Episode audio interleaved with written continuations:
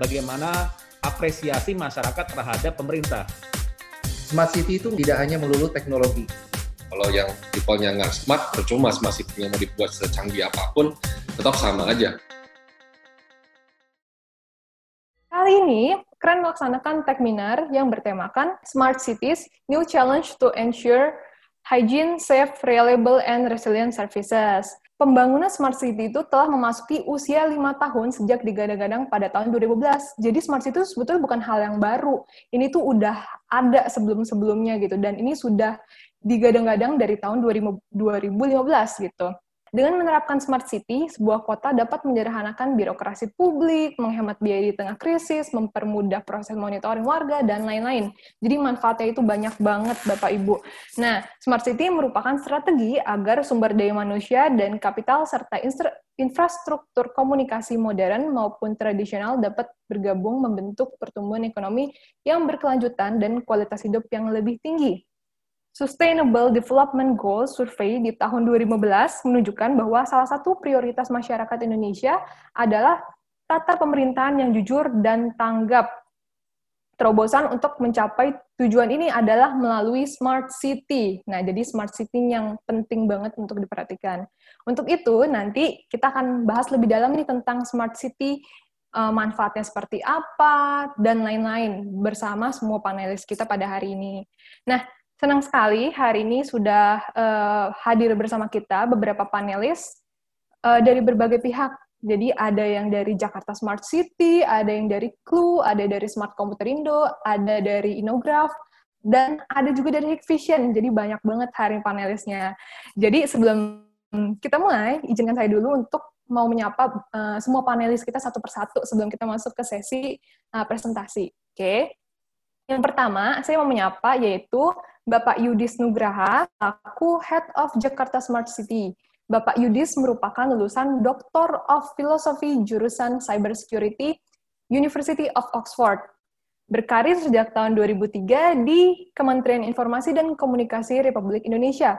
Di usia beliau yang masih tergolong muda ini, Pak Yudhistira atau yang biasa akrab disebut dengan Mas Yudis kini menahkodai unit pengelola Jakarta Smart City um, ya Smart City Pemprov DKI Jakarta. Jadi saya mau menyapa dulu nih Pak Yudis, apakah sudah bergabung sama kita?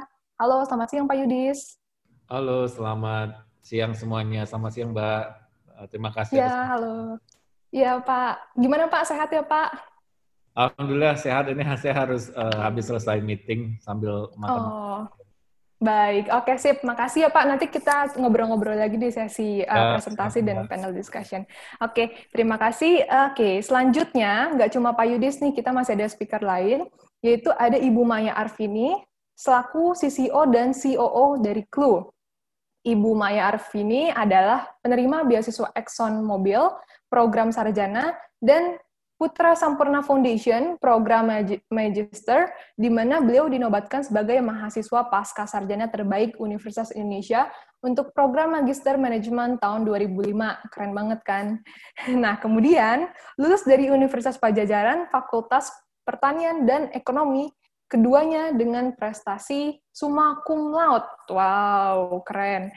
Nah, Sebelum bergabung bersama Clue, Ibu Maya ternyata pernah berkarir di IBM, Microsoft, dan Gunung Sewu.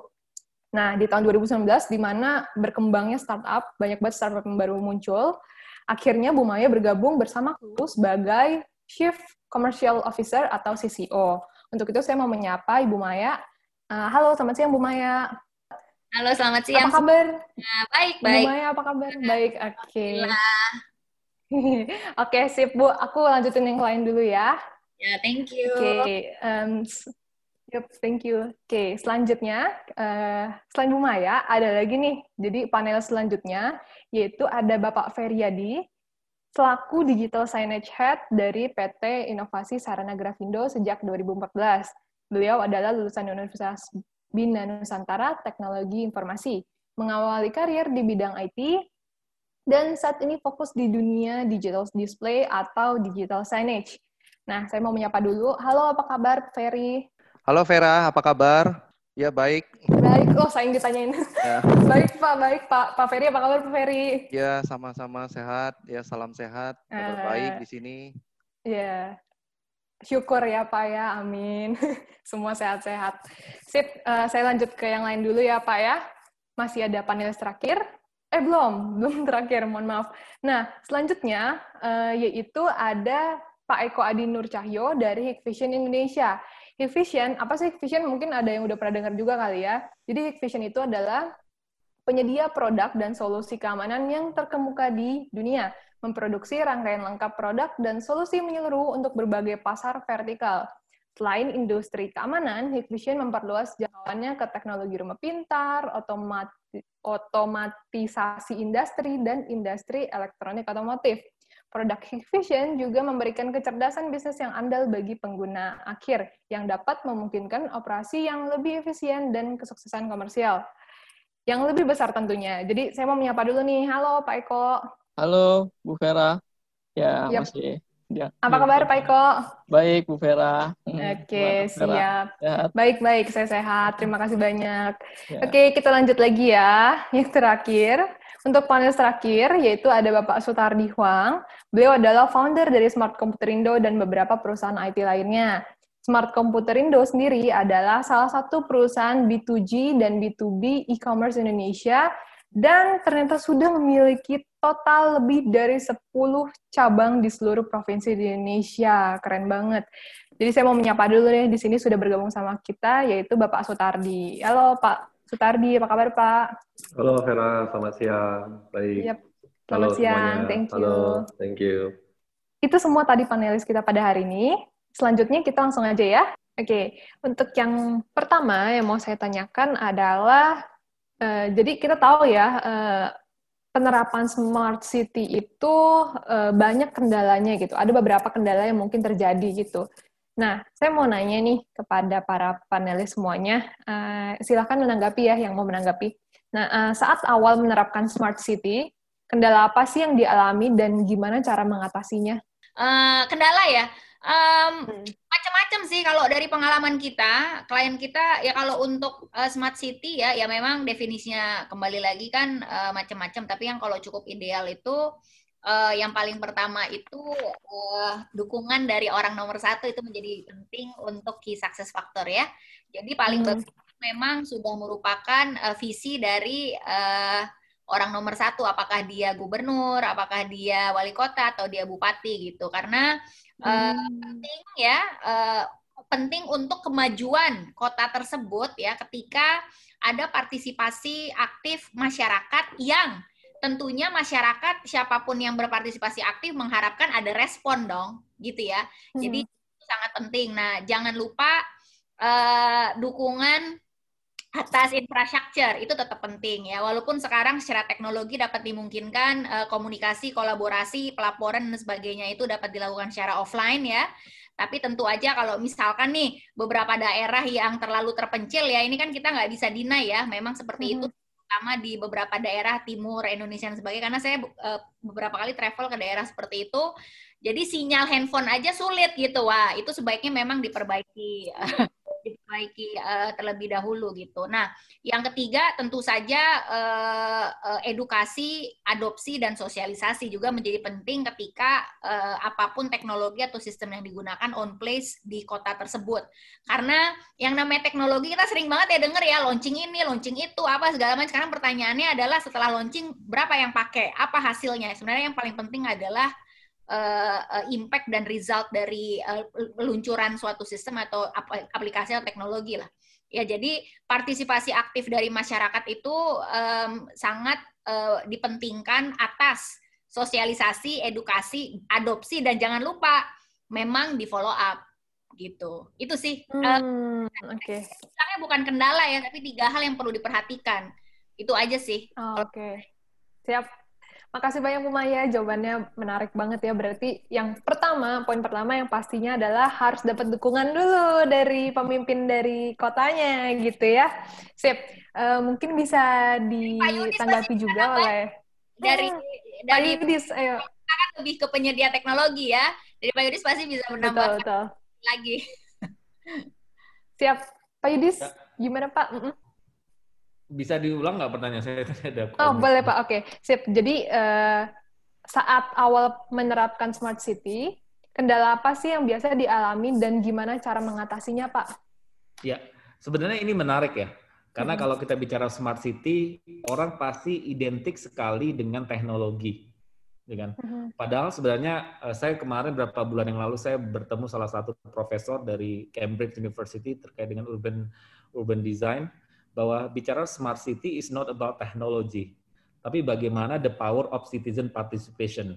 Makanya kenapa eh, awal smart city ini adalah diawali dengan eh, diinisiasi misalkan dengan komplain manajemen atau aduan masyarakat. Karena sebenarnya dasarnya adalah kita ingin mengengage partisipasi masyarakat untuk berpartisipasi untuk membangun Jakarta lebih baik.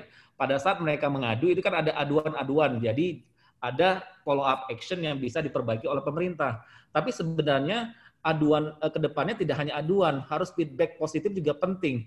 Karena eh, tidak hanya sekedar aduan, saat ini kan komplain yang ke- eh, kami eh, kolaborasi dengan misalkan dengan Clue, CRM itu kan sifatnya eh, negatif ya. Harusnya ada feedback positif. Bagaimana apresiasi masyarakat terhadap pemerintah. Jadi intinya sebenarnya kendalanya awalnya ada kendalanya itu ya. Kendala pertama adalah eh, kembali eh, kalau kendalanya banyak ya. Kalau dari segi eh, dari kota sebenarnya tadi orang melihat bahwa pembangunan smart city itu hanya tadi eh, hanya sebatas teknologi, tapi tidak melihat bahwa esensi dari smart city itu harus tadi bagaimana bisa meningkatkan kualitas hidup, kedua bagaimana bisa meningkatkan pertumbuhan ekonomi, kemudian bagaimana menjamin keberlangsungan. Itu eh, sehingga banyak kalau kita lihat di daerah mereka berpikir bicara smart city itu bicara APBD, bicara anggaran. Padahal pengembangan smart city dengan konsep smart city 4.0 ini bagaimana kolaborasi ini membangun sebuah bisnis model baru. Kendala yang kami hadapi di Smart City 4.0 adalah pada saat startup-startup, misalkan kami berdiskusi sama Clue dan yang lainnya, kami bicara bisnis modelnya seperti apa. Jakarta Smart City tahun ini sudah berubah menjadi Badan Layanan Umum Daerah. Artinya adalah kami adalah sebuah organisasi yang pertama di Indonesia yang sudah merubah, eh, berubah statusnya menjadi BLUD. BLUD ini adalah Badan Layanan Umum Daerah, artinya memiliki fleksibilitas dalam hal penganggaran. Yang kedua, memiliki fleksibilitas dalam hal bekerja sama dengan berbagai pihak, baik itu dari luar maupun dalam negeri. Kemudian yang ketiga adalah memiliki fleksibilitas dalam hal menerima funding atau dan, dan bentuk lainnya. Artinya, pada saat kami membicarakan inisiatif Smart City di Jakarta, kami ini Jakarta Smart City ini sebagai integrator, sebagai platform. Jadi SKPD-SKPD ini uh, akan kami jadikan sebagai problem owner problem owner, nanti kami fungsinya adalah mencarikan siapa sih engine-engine-nya startup atau perusahaan yang bisa membantu problem owner yang dimiliki oleh para SKPD. Tapi intinya sebenarnya pengembangan smart city tantangannya yang saat ini yang ada adalah orang masih mindsetnya adalah oke okay, pengembangan teknologi dan anggaran. Karena kalau kita sudah uh, bicara penganggaran APBD, ujung-ujungnya adalah tender. Contoh misalkan banyak startup, jadi mainnya ketengan. Ini mungkin ini cerita sama Mbak Maya gitu kan. Mainnya ketengan ke daerah itu di bawah 100 juta. Jadi kenapa? Supaya nggak tender. Jadi supaya bisa langsung dibeli gitu. Jadi mainnya ketengan-ketengan gitu. Itu itu tantangan itu.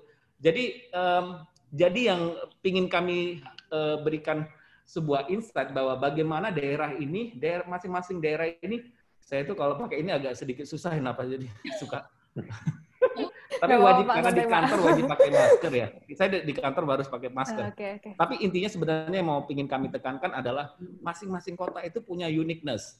Jakarta nggak bisa dibandingkan dengan Bandung, Jakarta tidak bisa dibandingkan Banyuwangi dan seterusnya, tidak bisa dibandingkan apple to apple. Jakarta punya keunikan sendiri, punya problem sendiri, punya Jakarta dalam hal ini diberuntungkan sebagai playground. Artinya banyak sekali startup-startup yang emerging ingin berkolaborasi dengan Jakarta. Kenapa? Seperti yang saya sampaikan, Clue waktu awal masih uh, masih muda uh, memaparkan Jakarta sebagai playground, playground. Akhirnya mereka berkembang terus dan bisa mengekspansikan bisnisnya. Uh, dan itu juga diikuti oleh para startup yang baru. Uh, kami punya program besok adalah final The Future City of Hackathon. Kolaborasi kami dengan Berlin uh, Government. Ini adalah tadi mencari bibit-bibit inovator untuk menyelesaikan permasalahan Jakarta yang ingin mereka cari adalah bukan uh, bukan nilainya, tapi adalah kesempatan untuk bekerja sama dengan DKI. Itu nilainya lebih gede, tidak hanya sekedar bisnis, tapi yang dipikirkan adalah investing. Jadi Bicara uh, smart city adalah kesempatan investing inovasi untuk menyelesaikan permasalahan.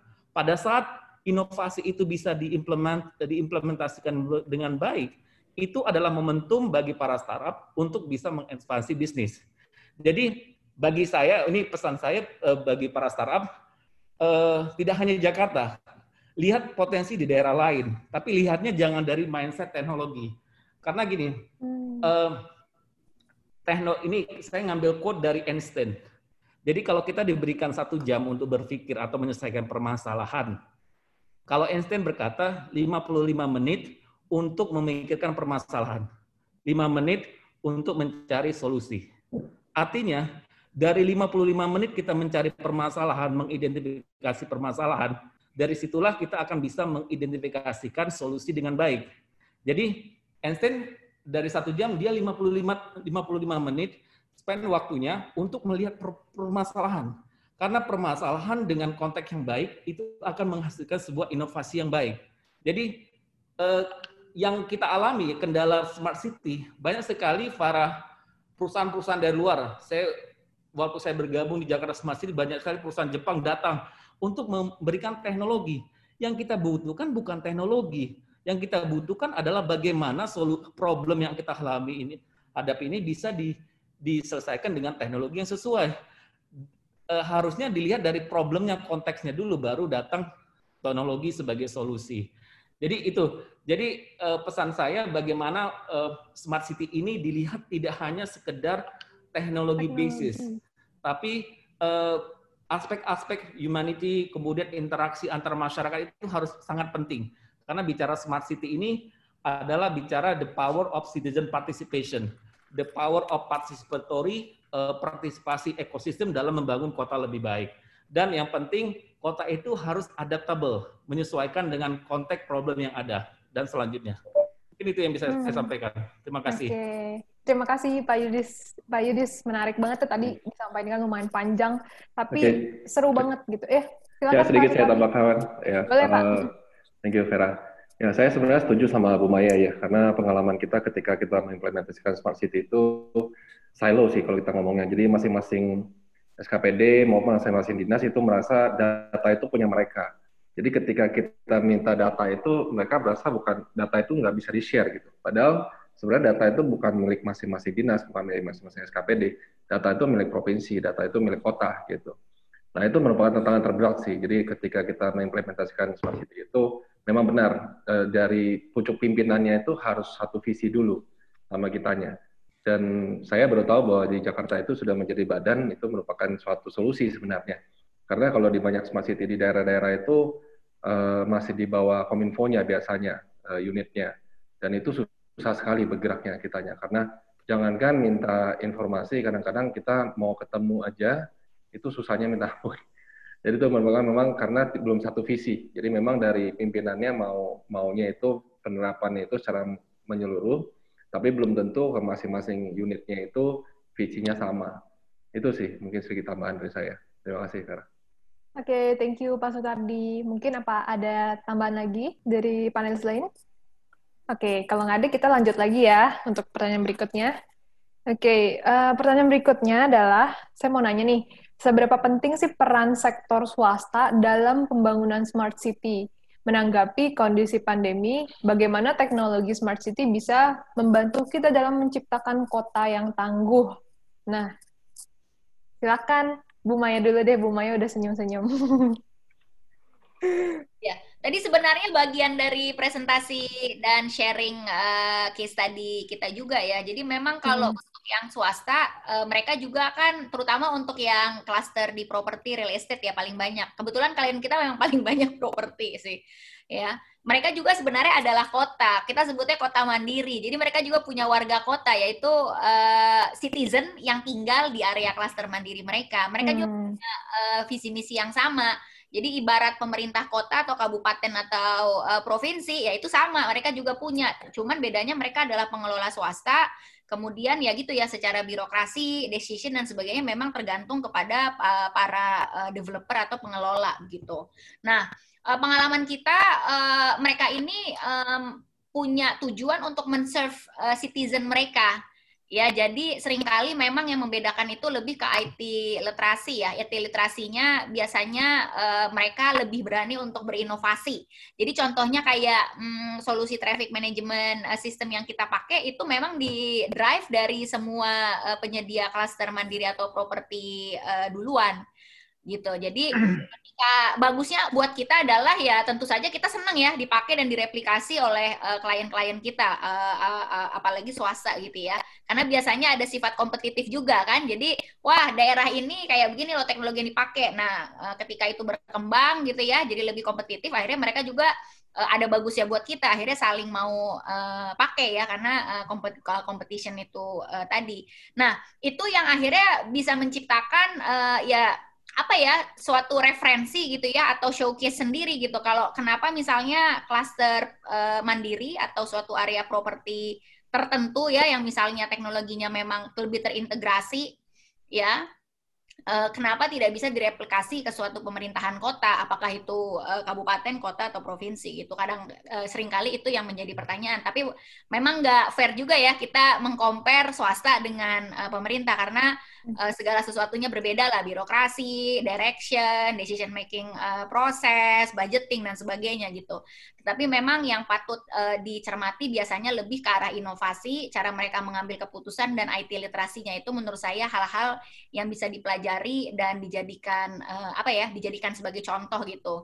Uh, kalau misalkan mau direplikasi ke either ke pemerintah uh, provinsi, kota atau kabupaten. Itu kalau yang uh, kita lihat dan sering kali uh, yang saya sempat cerita tadi, sering kali dengan uh, swasta ini mereka juga banyak memberikan ide-ide untuk memberikan kita kesempatan untuk mengeksplor ya. Jadi sifatnya lebih uh, dua arah dan mereka berani mengambil uh, resiko ya kembali lagi ya karena kan kultur di swasta ya berbeda dong. Resiko lebih bisa dihitung dan mungkin ya namanya juga swasta ya uh, uh, berbeda dengan uh, pemerintah kan. Kalau ini resiko ya hanya impact ke mereka saja kan berbeda kalau ini di pemerintahan gitu. Jadi memang kalau clue uh, kita kalau klien ya government uh, iya, swasta iya dan uh, orang sering berpikir lu kliennya government uh, saja, tapi ternyata enggak ya. Kita sebenarnya udah 50-50, 50% swasta, 50% uh, pemerintahan. Ya, pemerintahan itu termasuk uh, all government uh, areas ya, jadi BUMN, pemerintah kota, kabupaten, kementerian dan sebagainya. Tapi memang sering kali yang banyak diangkat di media memang yang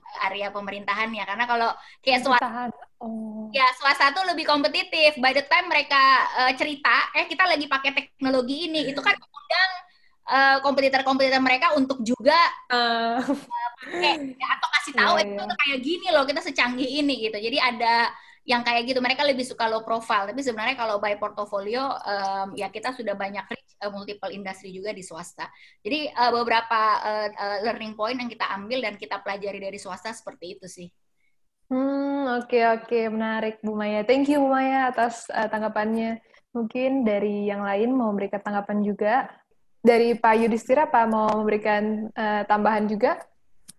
Uh, enggak sih, cuma saya ya. tadi lihat ada pertanyaan-pertanyaan sebenarnya. Hmm, ya gimana tuh Pak? Oh, ini uh, coba ini saya ada.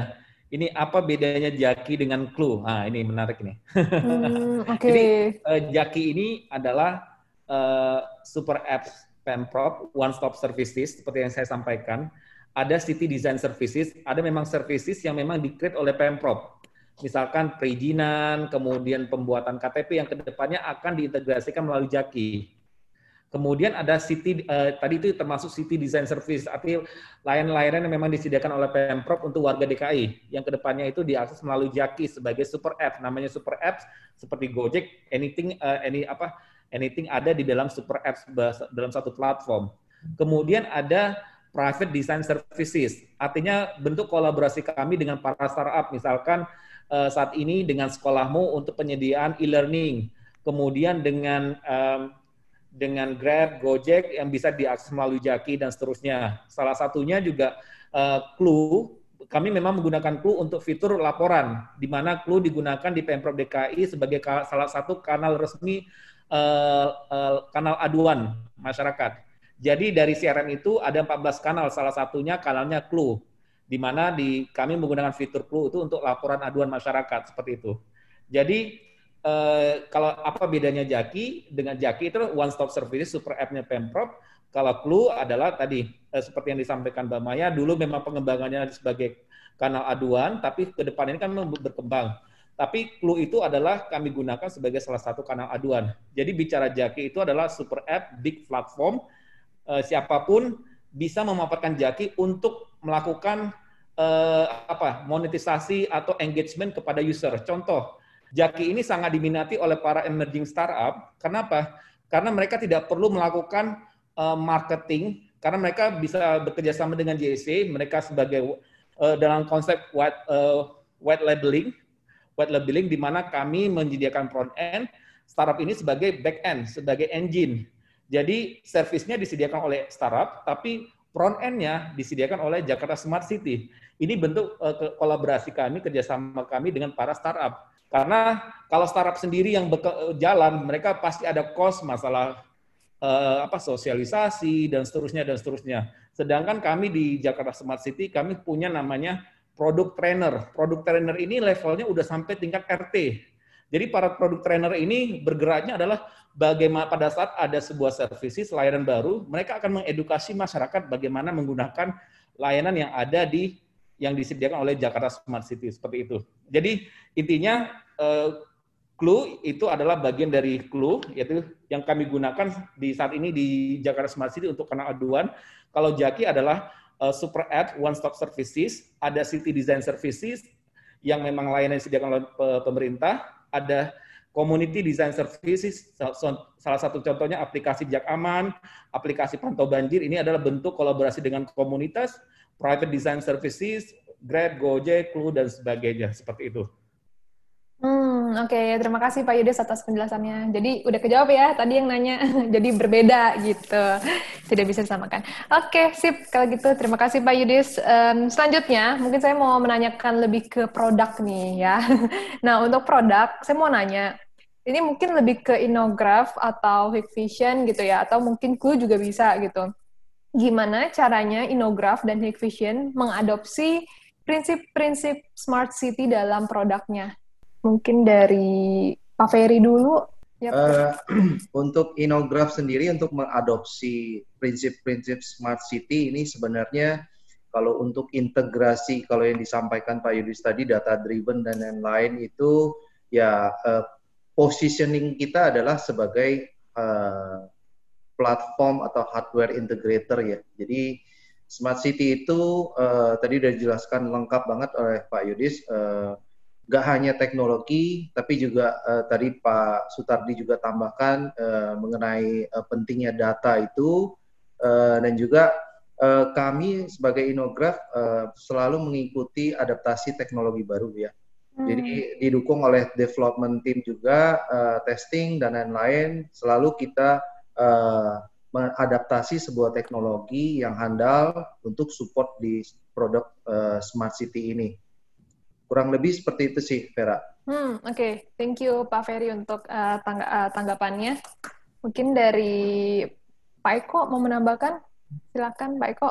Kalau dari Hikvision sendiri sebenarnya nggak jauh beda dari Pak Ferry ya. Hmm. Jadi ya seperti Pak Yudhistira tadi bilang, ya kita ini sebenarnya dari front end-nya ya black end-nya sendiri benar-benar kita ya agak susah gitu untuk uh, mengembangkan dan masuk jadi smart city di sini. Jadi ya mungkin kita bisa supportnya dari front end-nya Bu. Kayak gitu sih. Untuk hmm. smart city sendiri di produk-produk kita ya hampir sama ya kayak Pak Ferry juga kita selalu mengembangkan dan mungkin termasuk sangat cepat gitu di sini ada apa ada masalah apa kita langsung buat solusinya kayak gitu-gitu sih Bu. Paling itu aja sih yang bisa hmm. ini. Oke, terima kasih Pak Eko untuk jawabannya. Ya, saya juga setuju sih tadi uh, karena dengerin presentasi dari Pak Eko juga dan Pak Ferry ya bahwa ya selalu aja maksudnya ada timbul problem cari solusinya kira-kira produknya apa gitu ya disesuaikan. Oke, terima kasih. Um, untuk selanjutnya, mungkin saya mau nanya lagi. Um, Oke, okay, um, yang mau saya tanyakan adalah apa saja sih yang perlu disiapkan dan dihindari oleh berbagai kota kecil atau wilayah non-urban untuk mengimplementasikan smart city menggunakan layanan Clue. Nah, ini mungkin lebih ke Bu Maya ya. yang harus dihindari. Oke, okay. mm -hmm. yang saya share justru uh, kisah ses faktor ya dari pengalaman mm. kita. Jadi kalau yang harus dihindari ya ya kembali. Jadi kisah sukses faktor itu kalau dari pengalaman kita yang pasti yang pertama uh, support dari orang nomor satunya ya. Jadi mungkin uh, bupati gitu ya. Uh, itu penting ya sehingga uh, ketika itu memang menjadi uh, uh, misi beliau ya jadi nanti proses edukasi kemudian sosialisasi adopsi kepada warga itu menjadi lebih mudah karena beliau yang berperan sebagai uh, uh, change agent gitu ya yang mempromosikan kemudian mengedukasi warganya sendiri gitu.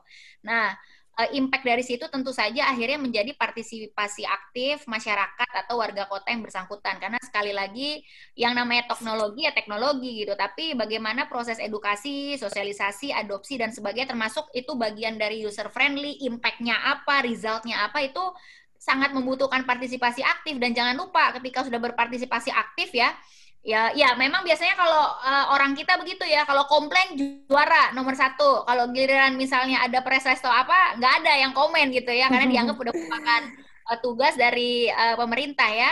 Nah, uh, kan yang ingin di, yang diharapkan ya sebenarnya dari uh, partisipasi warga itu kan ketika dia komplain atau memberikan komen, dia direspon.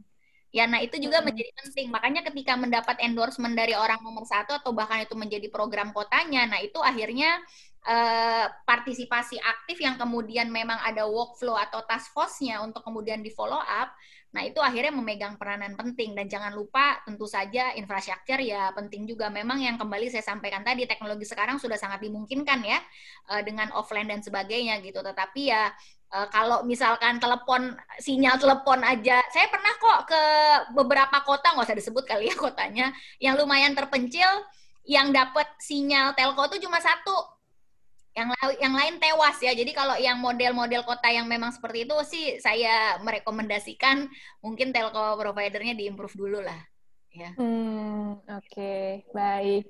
Siap, makasih banyak Bu Maya untuk jawabannya.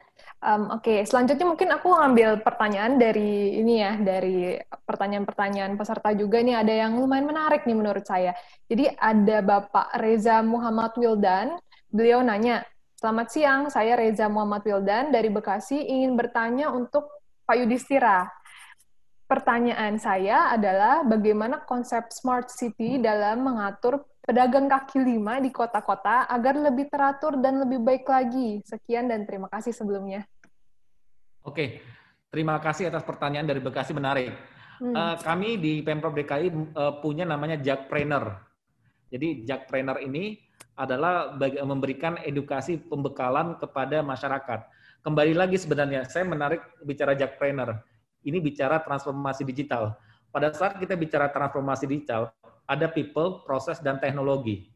Jadi pada saat kita ngomong uh, uh, apa pemanfaatan, misal uh, pemberian edukasi kepada para UMKM, kita bicara people. People-nya ini harus kita edukasi dulu, bagaimana supaya mereka paham dalam konteks digital.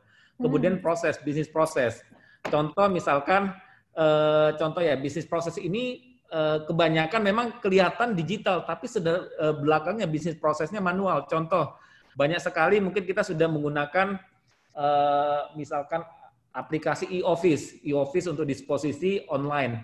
Tapi di back end-nya ternyata bisnis prosesnya masih manual, di mana kalau revisi ya masih manual gitu, nggak langsung by system seperti itu.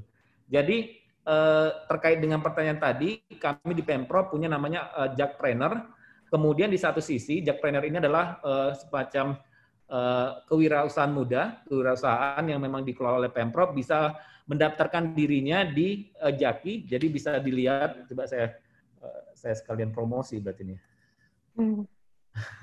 Boleh Pak, silakan Pak. Uh, sekalian promosi, Uh, jadi di sini bisa kelihatan di sini. Oh, nggak kelihatan ya? Kayaknya saya harus ganti background dulu. Ya, di sini nggak kelihatan ya. Ini ada Jack Trainer. Um, ya, di sini ada kelihatan Jack Trainer. Hmm, yep, yep, Jack Trainer jadi bisa mendaftarkan dirinya di Jack, program Jack Trainer. Kemudian uh, dalam masa pandemi COVID ini, uh, bagi yang uh, terdampak COVID, kami punya program kolaborasi sosial berskala besar. Tapi intinya uh, pengembangan pengembangan pengembangan UMKM, salah satunya pedagang kaki lima ini adalah kami memfasilitasi melalui Jackpreneur. Uh, kemudian yang menarik adalah uh, kami saat ini bekerja sama dengan Jaktur. Jaktur itu nanti ke depannya di jalan-jalan Sudirman itu ada outlet-outlet yang officially. Jadi kalau kita ke Singapura itu kan banyak outlet-outlet yang official. Jadi nanti akan ada outlet resmi yang bisa digunakan para UMKM untuk berjualan. Tapi nanti masalah jualannya ini nanti mungkin bisa didiskusikan. Tapi uh, uji coba uji coba piloting kami adalah bagaimana memanfaatkan daerah-daerah pedestrian, khususnya nanti di Sudirman, itu ada uh, penjualan kaki lima. Tapi judulnya kaki lima, tapi rasanya bintang lima gitu seperti itu. Jadi gedungnya bintang lima, judulnya kaki lima, tapi rasanya bintang lima. Seperti itu. Jadi detailnya seperti itu. Mungkin yang bisa kami sampaikan. Oke, baik. Makasih Pak Yudhistira atas tanggapannya. Berarti hal pertama adalah harus dari people-nya juga ya, harus di point juga. Kayak gitu. Oke, terima kasih. Um, selanjutnya, ada lagi sebentar. Hmm, oke. Okay. Ini mungkin pertanyaannya lebih ke untuk siapa ya? Coba saya baca dulu soalnya ya. Ini lebih ke produk mungkin. Pengoperasian CCTV dengan drone apakah perlu izin khusus? Nah, mungkin ini lebih ke Pak Eko kali ya, karena kan tadi ada sempat juga disinggung soal um, apa produknya gitu kan yang CCTV pakai drone. Um, gimana Pak Eko? Silahkan Pak. Uh, untuk di Indonesia sendiri sekarang ini belum ada. Jadi yang menggunakan produk kita ya jadi uh, drone itu. Tapi kalau untuk di luar uh, negeri itu biasanya memang ada izinnya karena ya seperti kita tahu drone biasa aja menggunakan izin apalagi ya CCTV untuk ke, uh, eh, keperluan surveillance ya nggak jauh beda lah pasti menggunakan izin. Hmm, oke. Okay. sih. Siap, terima kasih banyak Pak untuk jawabannya. Um, kita lanjut lagi. Oke, ini juga lebih ke produk sih mungkin ya. Nah, saya mau menanyakan ini mungkin lebih untuk um, Pak Ferry atau Pak Eko juga gitu. Uh, bagaimana sih cara melakukan edukasi soal hubungan teknologi digital display dan smart city? Ya, silakan Pak Ferry. Oke, uh, terima kasih. Pertanyaannya adalah bagaimana cara melakukan edukasi soal hubungan teknologi display dengan smart, city. Yep. Tadi smart city. Oke, uh, mungkin seperti ini ya. Jadi teknologi digital display itu sebenarnya sangat erat ya hubungannya dengan smart city. Jadi eh, karena semua perangkat dan infrastruktur itu ya mau nggak mau ya IoT namanya IoT kan connect ke internet gitu harus digital semua. Sekarang sebenarnya eh, problemnya adalah bagaimana kita mengemas isi kontennya, datanya, data driven tadi yang terintegrasi ya ditampilkan, disajikan ke digital signage itu sendiri. contohnya, contohnya uh, uh, ini ini proyeknya mungkin proyek Jak Jaklingko ya. Jadi uh, untuk di Transjakarta. Jadi kita punya tantangan di situ gimana caranya kita menampilkan schedule routing, eh sorry rute bis ya busway itu juga uh, men, uh, jadi menimbulkan experience baru bagi penumpang bis ya. Uh, jadi uh, bisa aja dia dia mengadopsi seperti MRT ketika bis itu uh, kita menunggu bis busway itu misalnya lima menit lagi sampai untuk rute ini. Dan kita dengan mudahnya kita melihat dengan digital display itu. Jadi uh, kita tidak di, tidak perlu menunggu terlalu lama lagi uh, seperti mungkin kondisinya sekarang masih seperti itu ya. Tapi ke depannya kita juga fit fit ke Jaklingko dan ke uh, Transjakarta untuk segera mengaplikasikan uh, data driven yang terintegrasi khususnya uh, Jaklingko sendiri dari MRT, dari busway, dari komuter dan lain-lain. Kurang lebih seperti itu sih ya. Jadi integrasi dengan teknologi itu memudahkan akses, tepat guna dan berguna tentunya bagi publik dan juga memberikan informasi yang menarik dan up to date khususnya ke stakeholder dan uh, stakeholdernya Smart City. Jadi uh, intinya berguna untuk uh, uh, untuk publik ya, untuk uh, tadi yang uh, tadi dibilang uh, uh, kota Jakarta atau kota-kota lainnya yang kalau kalau misalnya sudah menerapkan uh, data driven seperti ini, jadi uh, people-nya, publiknya dapat akses data yang lebih cepat, lebih akurat dan informatif. Kurang lebih seperti itu. Oke, baik. Terima kasih Pak Ferry. Dari Pak Eko, apa mau menambahkan? Atau sudah cukup? Sudah cukup. Sudah cukup. Oke, okay, baik. Terima kasih banyak Pak Eko. Nah, uh, karena waktunya juga sudah cukup mepet ya, uh, untuk terakhir, mungkin saya mau minta closing statement dari setiap panelis lah, pesan-pesan buat uh, Bapak, Ibu, teman-teman yang di rumah yang saat ini sedang dengerin, kira-kira uh, apa? Bisa disampaikan mungkin satu persatu dari siapa dulu, silahkan.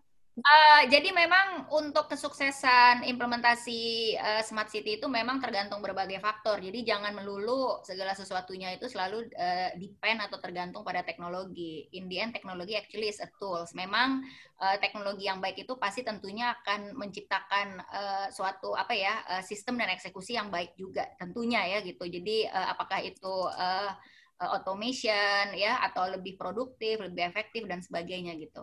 Tetapi kembali lagi uh, tentu saja tergantung uh, kepada para uh, pihak ya uh, yang mengeksekusi gitu loh. Jadi jangan apa-apa uh, oh karena teknologinya, oh karena no. Uh, banyak sekali hal-hal uh, ya atau pihak-pihak yang menentukan keberhasilan dari suatu implementasi smart city yang tadi saya bilang. Uh, apa dari uh, pemimpin ya atau leadernya apakah itu kota apakah itu company apakah itu suatu uh, uh, company atau gedung atau perkantoran dan sebagainya itu sangat penting visi misi dari pemimpinnya kemudian yang kedua tentu saja sosialisasi edukasi kemudian adopsi ya sehingga uh, benar-benar dipakai dan memang ini yang paling penting nih ya nggak cuma sekedar bikin aplikasi atau tools atau sistem, memang dipakai dan memang menjawab permasalahan. Nah, ya. Sehingga partisipasi itu menjadi ada ya dan kemudian dijawab permasalahannya dengan di follow up oleh task force atau workforce yang terkait. Ya sehingga tujuan dari dibuatnya suatu sistem aplikasi tools whatever itu akhirnya memang tercipta.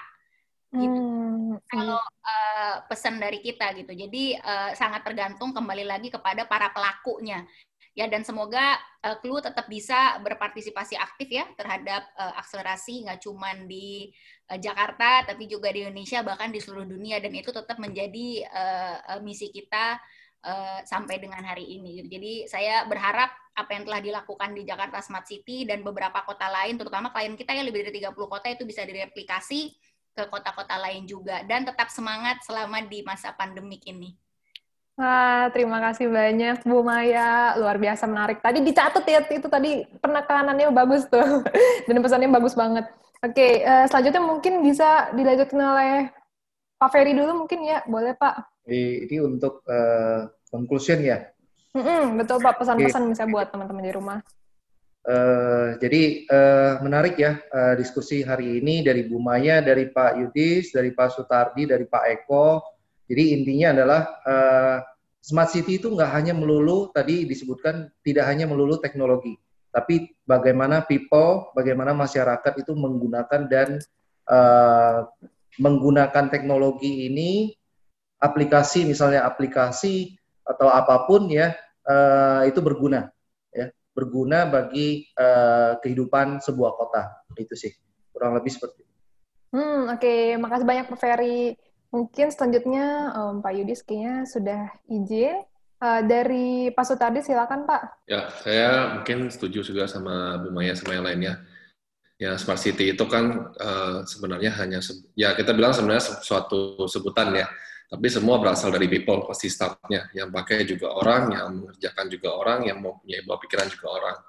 Jadi yang penting smart people-nya dulu sebenarnya. Kalau di beberapa kota yang kita bangun uh, banyak uh, banyak pemimpin daerahnya berkata bahwa semuanya harus mulai dari smart people-nya dulu. Kalau yang people-nya nggak smart, percuma smart city-nya mau dibuat secanggih apa pun, tetap sama aja, pemakaiannya nggak akan maksimal.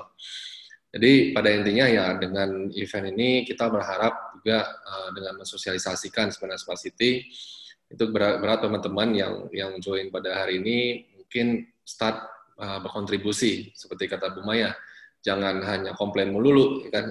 Ujungnya harus kitanya memberikan data gitu. Kalau kita tidak memberikan data ya ya city-nya nggak akan smart gitu. People-nya harus harus harus proaktif harus smart harus memberikan data uh, dipakai aplikasinya ya. Dan saya yang kita yang yang di di sektor government kita tahu budgetnya begitu besar pemerintah kita dalam mengalokasikan untuk uh, pembangunan IT di Indonesia Nah, kita yang teman-teman semuanya ya harus mulai bergerak gitu. Apalagi di masa pandemi kayak gini, uh, yang sebelum-sebelumnya sudah dianggarkan ya tolong dimaksimalkan pemakaiannya. Mungkin segitu dari saya. Bu hmm. Terima kasih. Oke, terima kasih Pak Sutardi. Terakhir dari Pak Eko, silakan Pak, apa ada pesan-pesan? Kalau dari sisi saya ya sebagai ya efisien, ya benar kata uh, teman-teman uh, narasumber yang lain yang udah sangat uh, udah sangat uh, jelas lah kayak gitu. Tapi seenggaknya ya kan dari sisi efisien sudah memberikan apa ya teknologi yang mumpuni lah ibaratnya kayak gitu. Jadi ya tinggal uh, people-nya sendiri bagaimana uh, membuat itu menjadi smart kayak gitu aja sih mbak paling gitu hmm. aja. Oke terima kasih Pak Eko. Nah semuanya sudah. Uh, jadi di sini saya juga mau memberikan menarik sebuah kesimpulan agak panjang ya atas uh, semua diskusi kita pada hari ini, yaitu smart city bisa dibilang merupakan upaya menciptakan ekosistem yang inovatif, kolaboratif dengan tujuan menciptakan kemudahan dan kebahagiaan dari kehidupan masyarakat. Di masa pandemi, keberadaan smart city bisa membuat sistem layanan yang mengurangi kontak fisik dan sifatnya lebih efisien dengan data real time. Smart city yang baik tidak sebatas dari inovasi teknologi, namun juga gabungan dukungan pemerintah dan kolaborasi serta partisipasi dari masyarakat yang dibarengi dengan edukasi. Penerapan smart city juga tidak bisa disamaratakan karena setiap kota punya kebutuhan, permasalahan, keunikan, dan ciri khas masing-masing.